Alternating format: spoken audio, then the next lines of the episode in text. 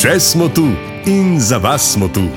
Študentska oddaja na Radiu Kran. Anja. Veš, kaj te lahko na drugi konec sveta odpelje še hitreje kot letalo? Uh, vlak tudi ne. Ne? Uh, konji ne. Ne. Uh, uh, Tiste, časovni stroj, Ne. Te, uh, teleport, Stop, Anja. Knjiga. Knjiga. Knjiga. Kot lahko preberemo na spletnih straneh bloga Potepuha na Farnikuli, imajo lahko popotniško obarvane knjige posebno mesto. Odpreš jo, prebereš nekaj vrstic in zgodi se čarovnija. Ja, ob uh, boku pastirčka se lahko odpraviš na dolgo pot v popuščavi, se izgubljaš uh, na dišečih bazarjih Bližnjega vzhoda, Iza oken vlaka na transsibirski železnici pa lahko tiho opazuješ spreminjajočo se pokrajino Mhm, ali pa kukaš okrog vogalov indijskega sluma. mhm. Šteješ ovčke na zelenih hribčkih Irske, tečeš v, str v štric zebr v Afriki, stojiš na strehi sveta in se zaljubiš na tropskem otoku. Okolica, zvoki, vonjave, osebe. Vse je tako živo, da se za tistih nekaj trenutkov ali pa ur pravzaprav lahko spozabiš, kje sploh si. Ja, knjige imajo tako posebno moč. Ne le, da nas lahko odpeljejo tja nekam daleč, pravzaprav nas lahko spremenijo. Tako kot potovanje samo, spremenijo naše razmišljanje, naše želje in naš pogled na svet. Dvojna čarovnija, torej, še Mhm. navajata avtorja bloga Potepuha na Frnikuli.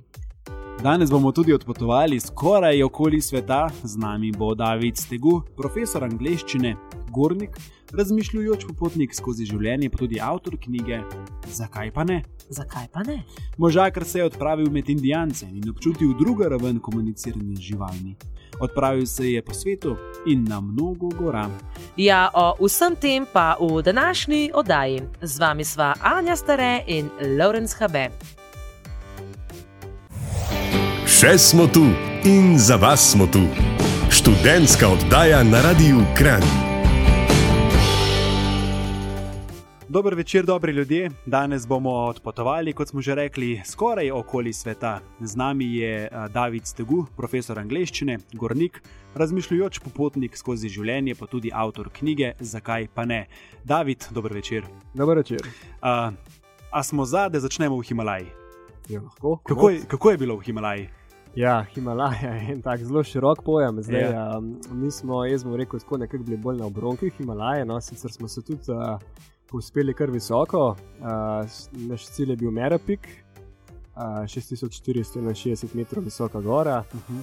Uh, tako da smo definitivno doživeli nekaj Himalaje. Mene osebno je najbolj navdušila ta izkušnja z visoko nadmorsko višino. Uh -huh. uh, kjer je res um, izredno intenzivno doživljanje pač telesa, zelo bolj kot v dolini. Dobesedno, v bistvu bi rekel, skoraj dobesedno ti telo ne rekuje, kako hitro lahko greš, te opozori, če greš prehitro. In podobne situacije so izredno zanimive, hkrati pa bom še to, če lahko dodam. Um, na vrhu tega, te gore je Ja. v bistvu eden izmed lepših pogledov na to glavno himalajsko hrbtenico, uh, na kar nekaj 8000 čakov, uh, Čoju, Loce, Makalu, uh, Mount Everest, seveda. Uh -huh. Tako da je bila tudi velika želja to videti v živo in uh, skratka, ja, himalajska izkušnja je bila na ta način zelo intenzivna. Zelo. A so lahko mogoče bolj konkretna, kako te telo pripravi na to, oziroma kako ga bolj doživljaš? Ja, ja, lahko Ja. dam en tak primer. Mhm. Um, že drugi dan, v bistvu, ko smo mi začeli z uh, tem sponom uh, proti vrhu te gore, Ja. uh, sem jaz nekako presegel svoj prejšnji višinski rekord. Namreč drugi dan smo štartali z nadmorske višine 3400 metrov približno in za cilj smo si takrat um, zadali, da gremo preko prelaza Zatrvala, ki je na 4600 metrih potem pa se spustimo v neko drugo dolino. Tako da um, zalogaj za tisti dan je bil kar pošten. Uh, in skratka, takrat je bil vsak meter nek nov višinski rekord, zoper na rekovajih. Ja. In moram povedati, da v bistvu sem imel željo se do prelaza čim prej prideti. Uh, In sem poskušal nekako podobno kot v domačih ribih, ampak je hitro nekako višina opozorila, da pač ne bo šlo na ta način. Uh, deloma sem že prej bolj zadržano pristopil, pristopil do tega dela vzpona, ker sem pač vedel, da seveda bo zgodba drugačna. Pa zdaj sem na lastni koži res doživel, da gre za neko popolnoma dodatno dimenzijo. Uh, in je bilo potem zanimivo, da dam primerjavo, ko sem prišel nazaj, sem se tudi malo takrat odpravil v naše ulice, uh, pač tudi na više gore. In uh, tega občutka ni bilo več, hodilo se je neprimerno lažje. Uh, tako da me je naučila ta izkušnja z višino, da više kot greš, je treba seveda vložiti več eh, moči, uh, bolj nekako spoštljivo tudi pristopiti do vseh izzivov in podobno tudi gledam od takratne izkušnje na življenje. Tako da v bistvu ja, ni. Um, Zdaj, veliko ljudi pravi, manj kisik in tako naprej. Vse ja. te zadeve so pač dejstva, absolutno, ampak uh, telo uh, bije borbo ali pa boj na višji frekvenci, če se izrazim kot pa recimo, če nisi ravno na taki višini. Mm -hmm. ja, ko se jaz s prijatelji odpravim gor v gore, ne, je najbolj važno to, da ko prideš na vrhu, da se malo nadihaš, da malo nekaj spiješ, nekaj poješ, narediš dve dobri fotki in a, mogoče malo občuduješ razgled, in to je to. Ampak iz tvojega pripovedovanja imam občutek, da je gora, oziroma tvoje dojemanje gore, mnogo, mnogo več. Ja, uh, jaz bi nekako dal tudi na svet. Um, ko imajo možnost, da se ga tudi sami odpravijo v gore. In doživiš vse skupaj na dosti bolj uh, torej globi ravni. Sem že veliko krat doživel, da dobiš neke ideje, neka nova spoznanja, bom rekel, navdihe, ki jih v divjini ne bi. Ker si popolnoma, oziroma ker si do neke mere ja, v drugem okolju, ni toliko nekih konstantnih držav, ki nas motijo in res doživiš eno tako prisotnost. A bi se strinjal z mislijo, oziroma z videnjem, da je mogoče, da se je težje odpraviti na goro sam, kot recimo v družbi? Absolutno se strinjam s tem. Mhm. In zopet lahko podam neke vrste življenjsko primerjavo, da se je teže lotiti projekta sam kot pa z drugimi. Hitro se lahko zgodi, da um, ko pa se lotimo projekta z ostalimi, da je kakšen člen te ekipe, ki nekako se zanaša na drugega, catch, če tako rečem, je pa v tem, da lahko tudi nekdo drug se zanaša prav na njega, da bo on kaj naredil na koncu, pridemo v neko povprečnost, vrtimo se v krogu in zadeva ni tako kvalitetna, kot bi lahko bila. Hod na goro, ko se sam zahteva um, več nekih, neke pozornosti, neke zbranosti, tudi odločnosti, ne na zadnje zaupanja vase, da se to zmože narediti. In uh, potem to lahko enako prineseš dol v dolino in se lotiš projektov, sam uh, ali pa tudi z drugimi, ampak tudi če si z drugimi, potem samo od sebe veš, da moraš dati maksimum in uh, ne zaupaš kar tako drugemu, ker veš, da pač vsi ljudje se lahko motimo, veš pa, da ti boš naredil maksimalno, upaš, da bodo tudi ostali.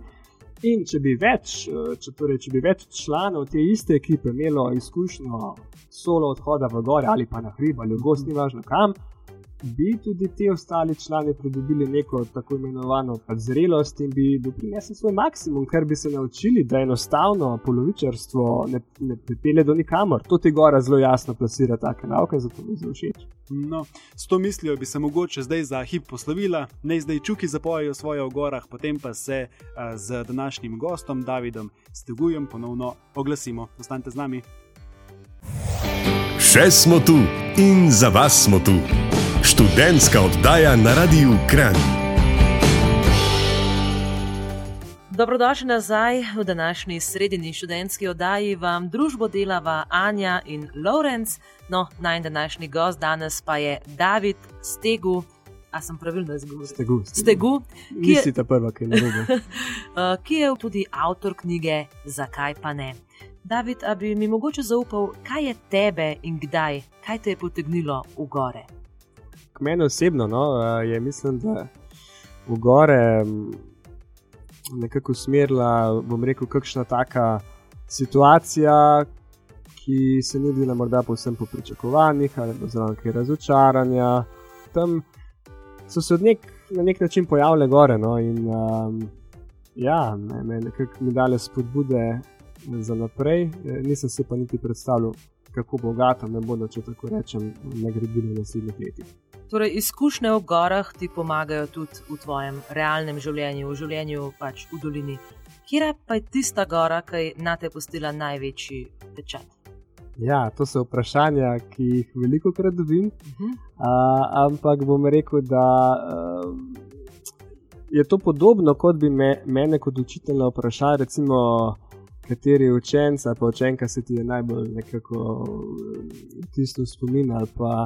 In to zelo ne rad razvrščam, moram priznati. Um, Verjetno je vsaka po svojem ali po svojem. Ja, ja, sigurno, sigurno. Um, Mogoče potem lahko zaupaš kakšno zgodbo, kakšno ja, ja. anegdoto, kakšne odprave. To jih je pa sigurno veliko. Bomo kar eno lahko zaupam iz um, sprave na Piklini, uh, kjer um, no, sem dobil enega izmed mnogih naukov takrat.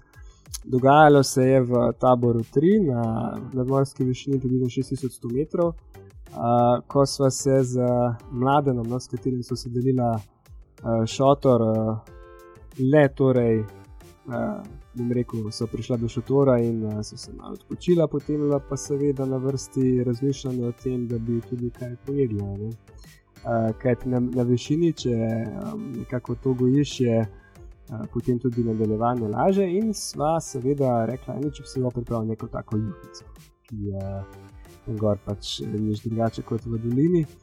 No, in uh, je pa tako, ne, na višini, že ko se ti obuješ čevlje, dobesedno te, te to utrudi. Um, in uh, mi dva smo imela, jaz sem imela v bistvu nekaj več vode še, ki sem jo sicer nameraval potem uporabiti še za spust do tabora 2, do tabora 1, pravzaprav na 4400 metrov, ki je bil predviden za naslednji dan, to je bil sklop avtomatizacije. Ampak ta voda je bila tako uh, nekako, uh, kaj ne rečem, zapeljiva, takrat v tisti plastenki. Uh, zdaj snega je bilo polno, ampak pomenilo to sve ostoci, nobiti čevlje, se odpraviti s cepinoma stran, nabrati sneg, prenesti nazaj. Tako da minilo so se kar dogovorili, ne, ne bomo kar tole vodo uporabili, kdo bo še zdaj to sneg nabiral, pa se čevlje vodo, in tako naprej, tako sva utrujena. No, no in stojkice je bilo zelo hitro na voljo. Ampak naslednji dan je bil pa spust do tabora ena izredno, izredno težak, seveda, ker je bilo vode res zelo malo. Tako da, kaj sem se naučil in te napake potem naslednjič nisem več naredil. Uh, linija najmanjšega odpora, v bistvu uh, takrat so obrala to taktiko, če tako rečem. In uh, naslednji dan so takoj, oziroma jaz, no še bolj intenzivno sem doživel kazen, lahko to rečem, neposreden nauk gore, ki, ki ti takoj v bistvu nakaže, da nekaj ni bilo v redu, da zmoreš več, da zmoreš več in naslednjič potem napake ne, ne, ne narediš več. In to je nekaj, kar je res v gorah tako nastopi. Medtem ko v dolini lahko mi nekaj časa, ja, linija najmanjšega odpora, nabiramo neke take napake, pa se nam to ne zdi tako problematično, kasneje se pa lahko vrne kot in naredi. Um, kako pa je spat tako visoko v gorah? Ja, eh, spanje bom tako rekel. Mi smo bili na Monterosi na klimatizaciji, preden smo šli na Piklenin, to je drugi najvršji vrh Evrope. In takrat je bil del naše ekipe tudi nekdo, ki je bil na Pikleninu leto ali dve nazaj in je takrat dobro namerno svetoval, no, nas spite se zdaj, ko se še lahko.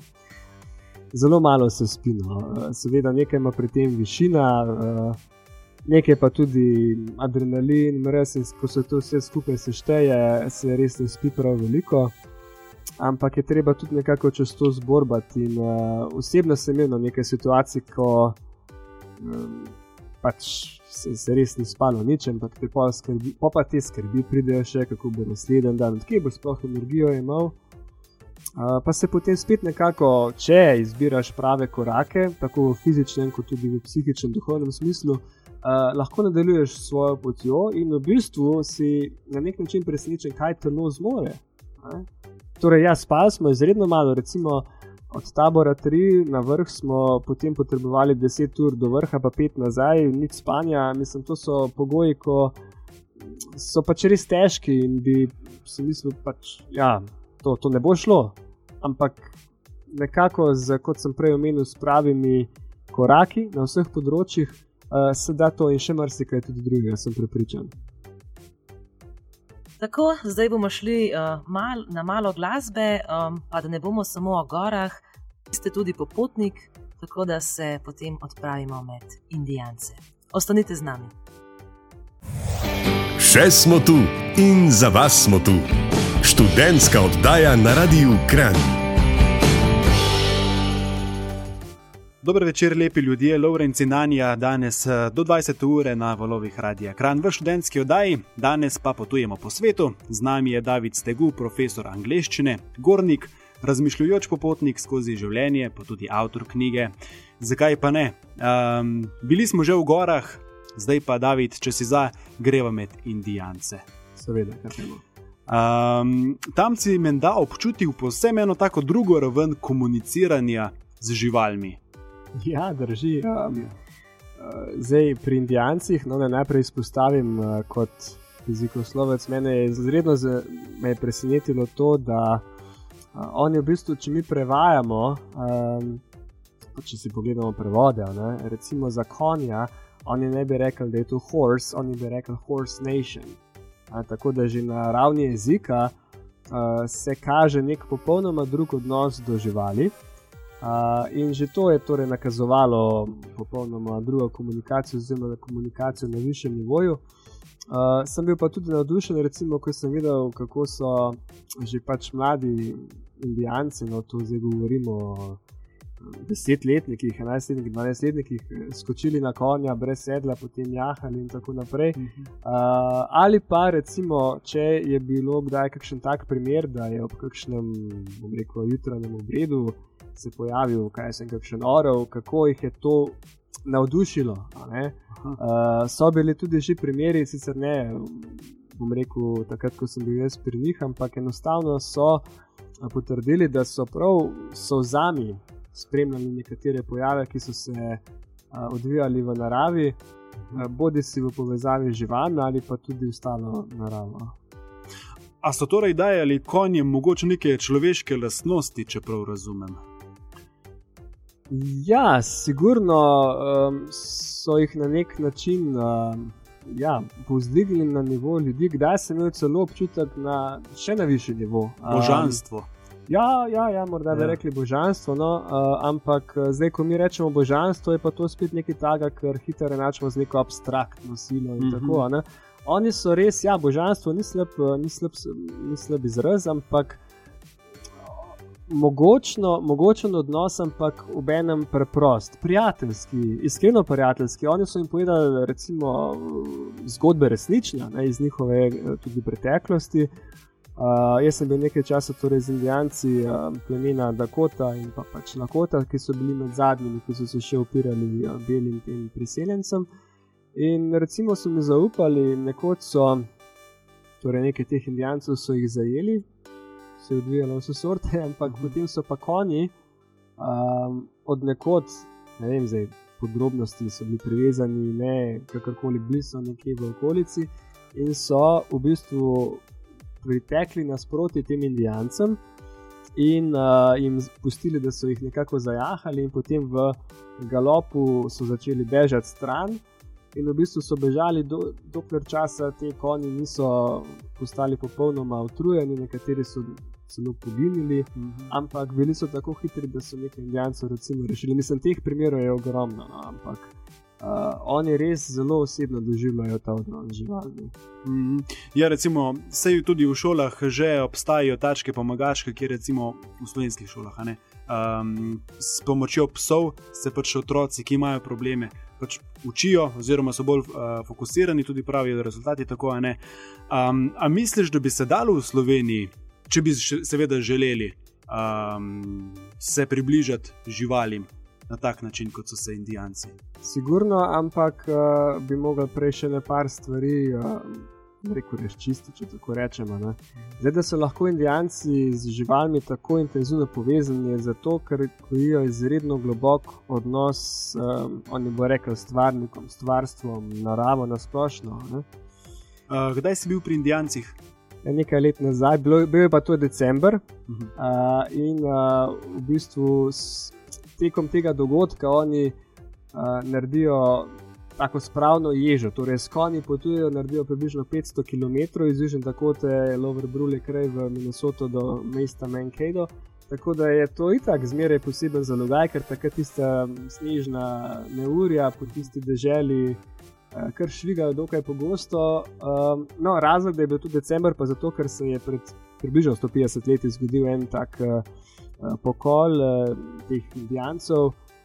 In v spomin na to, in pa predvsem željo po iskini spravi, oni to zdaj že približno 15 let, uh, vsako leto organizirajo, indijanci, no vsak večer jih pa spremljajo bele skupnosti na tak način, res pristno tvorijo neko spravo. Uh, tako da nekaj let nazaj uh, sem si pa zelo zapomnil, da je decembr in vse, kar je s tem prineslo, torej mrz. Uh, ja.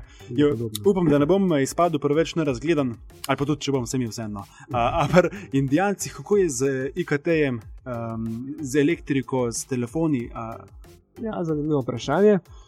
Uh, verjetno bi večinoma ljudi pomislili, da je pač tega manj, kakorkoli, ampak ja. ne, ta zadeva je po eni strani žal, ne, e, enako dostopna tudi njim.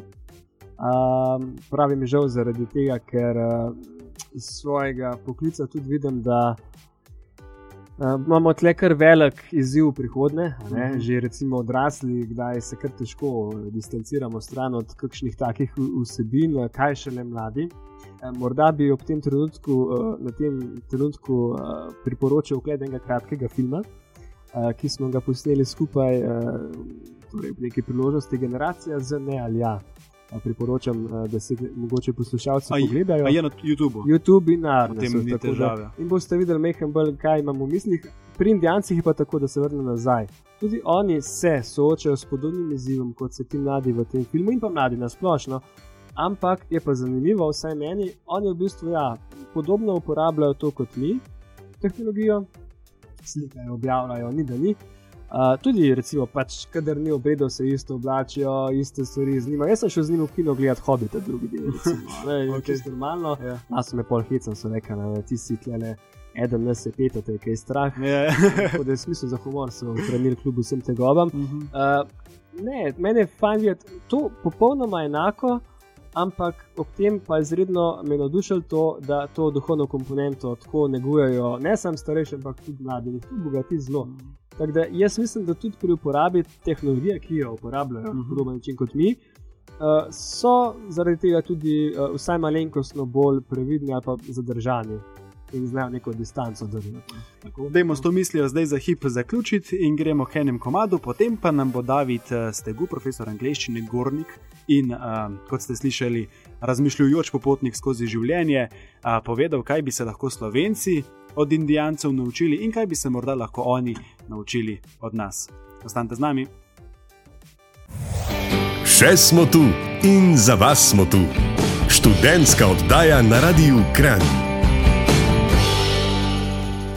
Dobrodošli nazaj v današnji sredini študentski oddaji, kjer se sprehajamo po gorah, kjer se spoznavamo z Indijanci, skupaj v družbi Davida Stegu.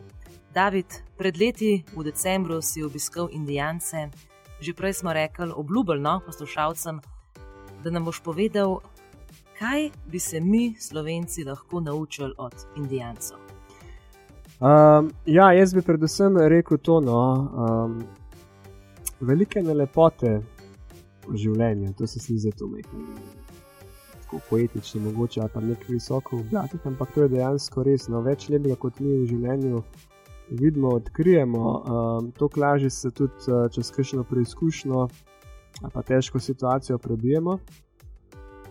In uh, tukaj bi uh, ponovno nekako izpostavil to, no, da se poskušamo uh, pomakniti preko fizičnega ali materialnega sveta. Med drugim tudi zdaj vidimo, da pretirano se je ne samo pač v Sloveniji, ampak bom rekel nekako zahodno splošno.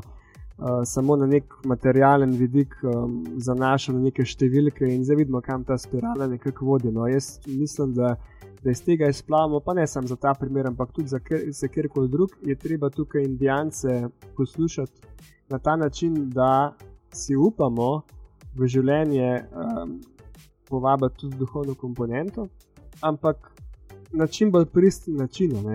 Zdaj, duhovnost, vera ali kakorkoli je v naši družbi bodi si zreducirana na tradicijo, ali pa je to predstavljeno kot nekaj preživetega. Ne. Medtem, ko pri Indijancih sem jaz, kot sem že prej rekel, tudi pri mlajših generacijah opazil, no, da to izredno probejo negovati. oni se prav uh, odločijo, načrtno odidejo za teden, dva, neko tako obdobje, stran iz skupnosti, torej samoto, dolino, kako se omaknejo. Ravno zato, da takrat iz najbolj iskreno možno razmislijo ali pa se pustijo voditi, uh, oni rečejo, vakantanka, stvarnik ali pa pač po naše Bog, kakorkoli, Bogu, da jih usmeri neko pravo pot. Ker ko pridejo nazaj v svojo skupnost, je njihova dužnost, da to, kar so takrat spoznali, v bistvu začnejo zelo dejavno ja, uresničevati. Torej, govorim o nekem poslanstvu. Ne? Uh, tako da, ja, tukaj oni nas le lahko res ogromno naučijo. Se pravi, vsak pri sebi najprej si upati to narediti ta korak, uh, se odpreti, da tako rečem, um, in potem prijeti nazaj in to pogumno dati naprej ostalim. Kar se pa lahko oni od nas naučijo, no, da ne bomo zdaj samo kritični, ne, ker tudi uh, slovenci imamo marsikaj lepega, kar lahko ponudimo vsakem, da se pač delo opravi kvalitetno, nekako pošteno, da se, um, kako ne rečem, no, da pač, ja, damo veliko tudi na izobraževanje uh, in s tem verjamemo v boljši, lepši svet kar je seveda ena lepa popotnica za naprej. Jaz, ko sem uh, moje magistrsko delo, se ukvarjal prav s tem, v bistvu širitev ameriške na zahod in kako američani razumejo. Jaz enostavno je bilo gotovito, mi smo takrat ogromno izgubili, bi se lahko ogromno eden drugega naučili. Tako da jaz upam, da se bomo iz te žal eh, krvave žalostne preteklosti, da se lahko kaj naučimo in da pustimo, da indijanci nas kaj naučijo. Po drugi strani, če pa mi naredimo nek pravi korak, in smo pristni v našem delovanju, lahko tudi njim ponudimo veliko. Kako pa recimo ti konkretno zdaj drugače živiš od te izkušnje? Morda tudi ta občutek povezanosti na, na drugem nivoju, no, v bistvu tudi z drugimi ljudmi. Uh, ko vidiš, da ja, vsi nekako, pač vsak človek ima neke dimenzije, ki so nam vsem lastne. No? Uh, tukaj se mi veliko krat uh, delimo na podlagi nekih enciklopedičnih um, kategorij. Ne? Temelji so pa pač vseh polož pri vseh položeni na podoben način. In mene vse skozi recimo, spremlja njihov, njihov rek, uh, mi tako je ojasen, pomeni, da we are all related, vsi smo povezani med sabo. A, se pravi, ta povezanost, bom rekel, da to je ena izmed tistih stvari, ki jo čutim na neprimerno globi način. Um, je pa verjetno ne bi, če ne bi imel izkušenj, da doživim to pristnost na takem nivoju, kot sem pa doživel pri njih. Ok, David Stegu, hvala lepa. Pro, um, scenarij, ki ga imamo za njo, je še dolg, tako da te bomo povabili še v eno oddajo, prav kmalo, tako da uh, če si za, bi se profuril še enkrat v kran. Ja, seveda, z veseljem. Krasen, odlično. Uh, še enkrat hvala lepa za obisk in uh, lepo pot do Škofiloke. Hvala za, hvala za povabilo. Mi, cenjeni poslušalci, pa se odpravimo do enega komada, potem gremo pa čez komad do našega klasičnega študentskega napovednika. Ostanite z nami. Poslušate študentsko oddajo na Radiu Kran. Sedaj pa svinčnik ali tablico v roke. Saj si tole, kar boste slišali zdaj velja zapisati vse koledarje in opomnike tega sveta. Dobro večer, lepi ljudje, še zadnjič v današnji študentski oddaji. Ja, za njo sva precej eh, navdušena nad današnjim gostom, kot sva že rekla. In, uh, ja, najlažje je pa tako, ne. Anja je rekla, da se grem jaz še malo z Davidom pogovarjati ven, pa sta šla zelo lepo na en kafe z avtomata, čeprav ga David ne pije, pa je Anja ustraljala, ampak kaj češ ženski, tako da smeš nikoli reči ne. Uh, in je rekla, Lauro, glej, znajce me, znajce tle za mešalko, pa za mikrofoni, pa glej, če ti poratelj bočene, pa tudi mene ne zanima ker si je rekla in šla. Sem rekel, prav, imam to. No, gremo zdaj pa res k študentskem napovedniku, ki ga začenjamo v soboto, 23. februarja na Osojščici, to je v Avstriji. Iz Kranja gremo ob 8. zjutraj, ja, kam, kam, kam, takoj povem dobite sendvič, aperitiv, uh, prevoz, čakaj, kam gremo na vsoj 35 evrov za člane KŠK, je za ostale 50 evrov. Aha, v Avstriji zahteva pogoje za vstop v državo. Ja, kaj je tam, no? A, smučanje. Torej, smučanje v soboto, 26. februarja ob 8. odhod iz Kranja. Več informacij na spletni strani KŠKJ.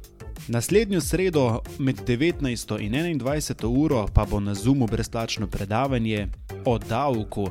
Spet smo za vas pripravili torej, brezplačno predavanje o financah, tokrat se bomo osredotočili na DDV, davke na dodano vrednost. Pridruži se nam in izboljšaj svojo finančno pismenost. Pohiti število mest je obejeno, prijavite se preko spletnega obrazca na spletni strani KŠKJ. Večkrat smo že v naših študentskih oddajah omenili, da so smočarske karte, če jih kupite na KŠK-ju, cenejše, hitro uletite na info.kšk-ja, ki ima malenkost spremenjen urnik. Preverite ga na Facebooku in Instagramu, kluba študentov Kran.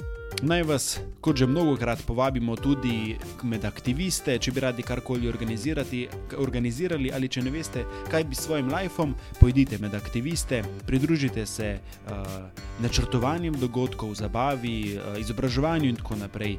Več informacij na spletni strani KŠK-ja in na infotočki vsakega novega človeka bodo veseli.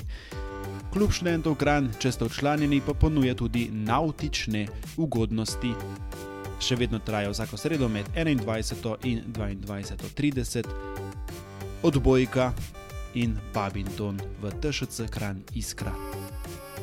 Od novega leta dalje vse študentske oddaje zaključimo z eno mislijo, danes sem jo jaz pripravil, gre pa takole. Dragi Putin, dragi Biden, če poslušate to študentsko oddajo, jaz imam dve lokaciji, kjer se lahko bojujete Ukrajino pa pusta primer.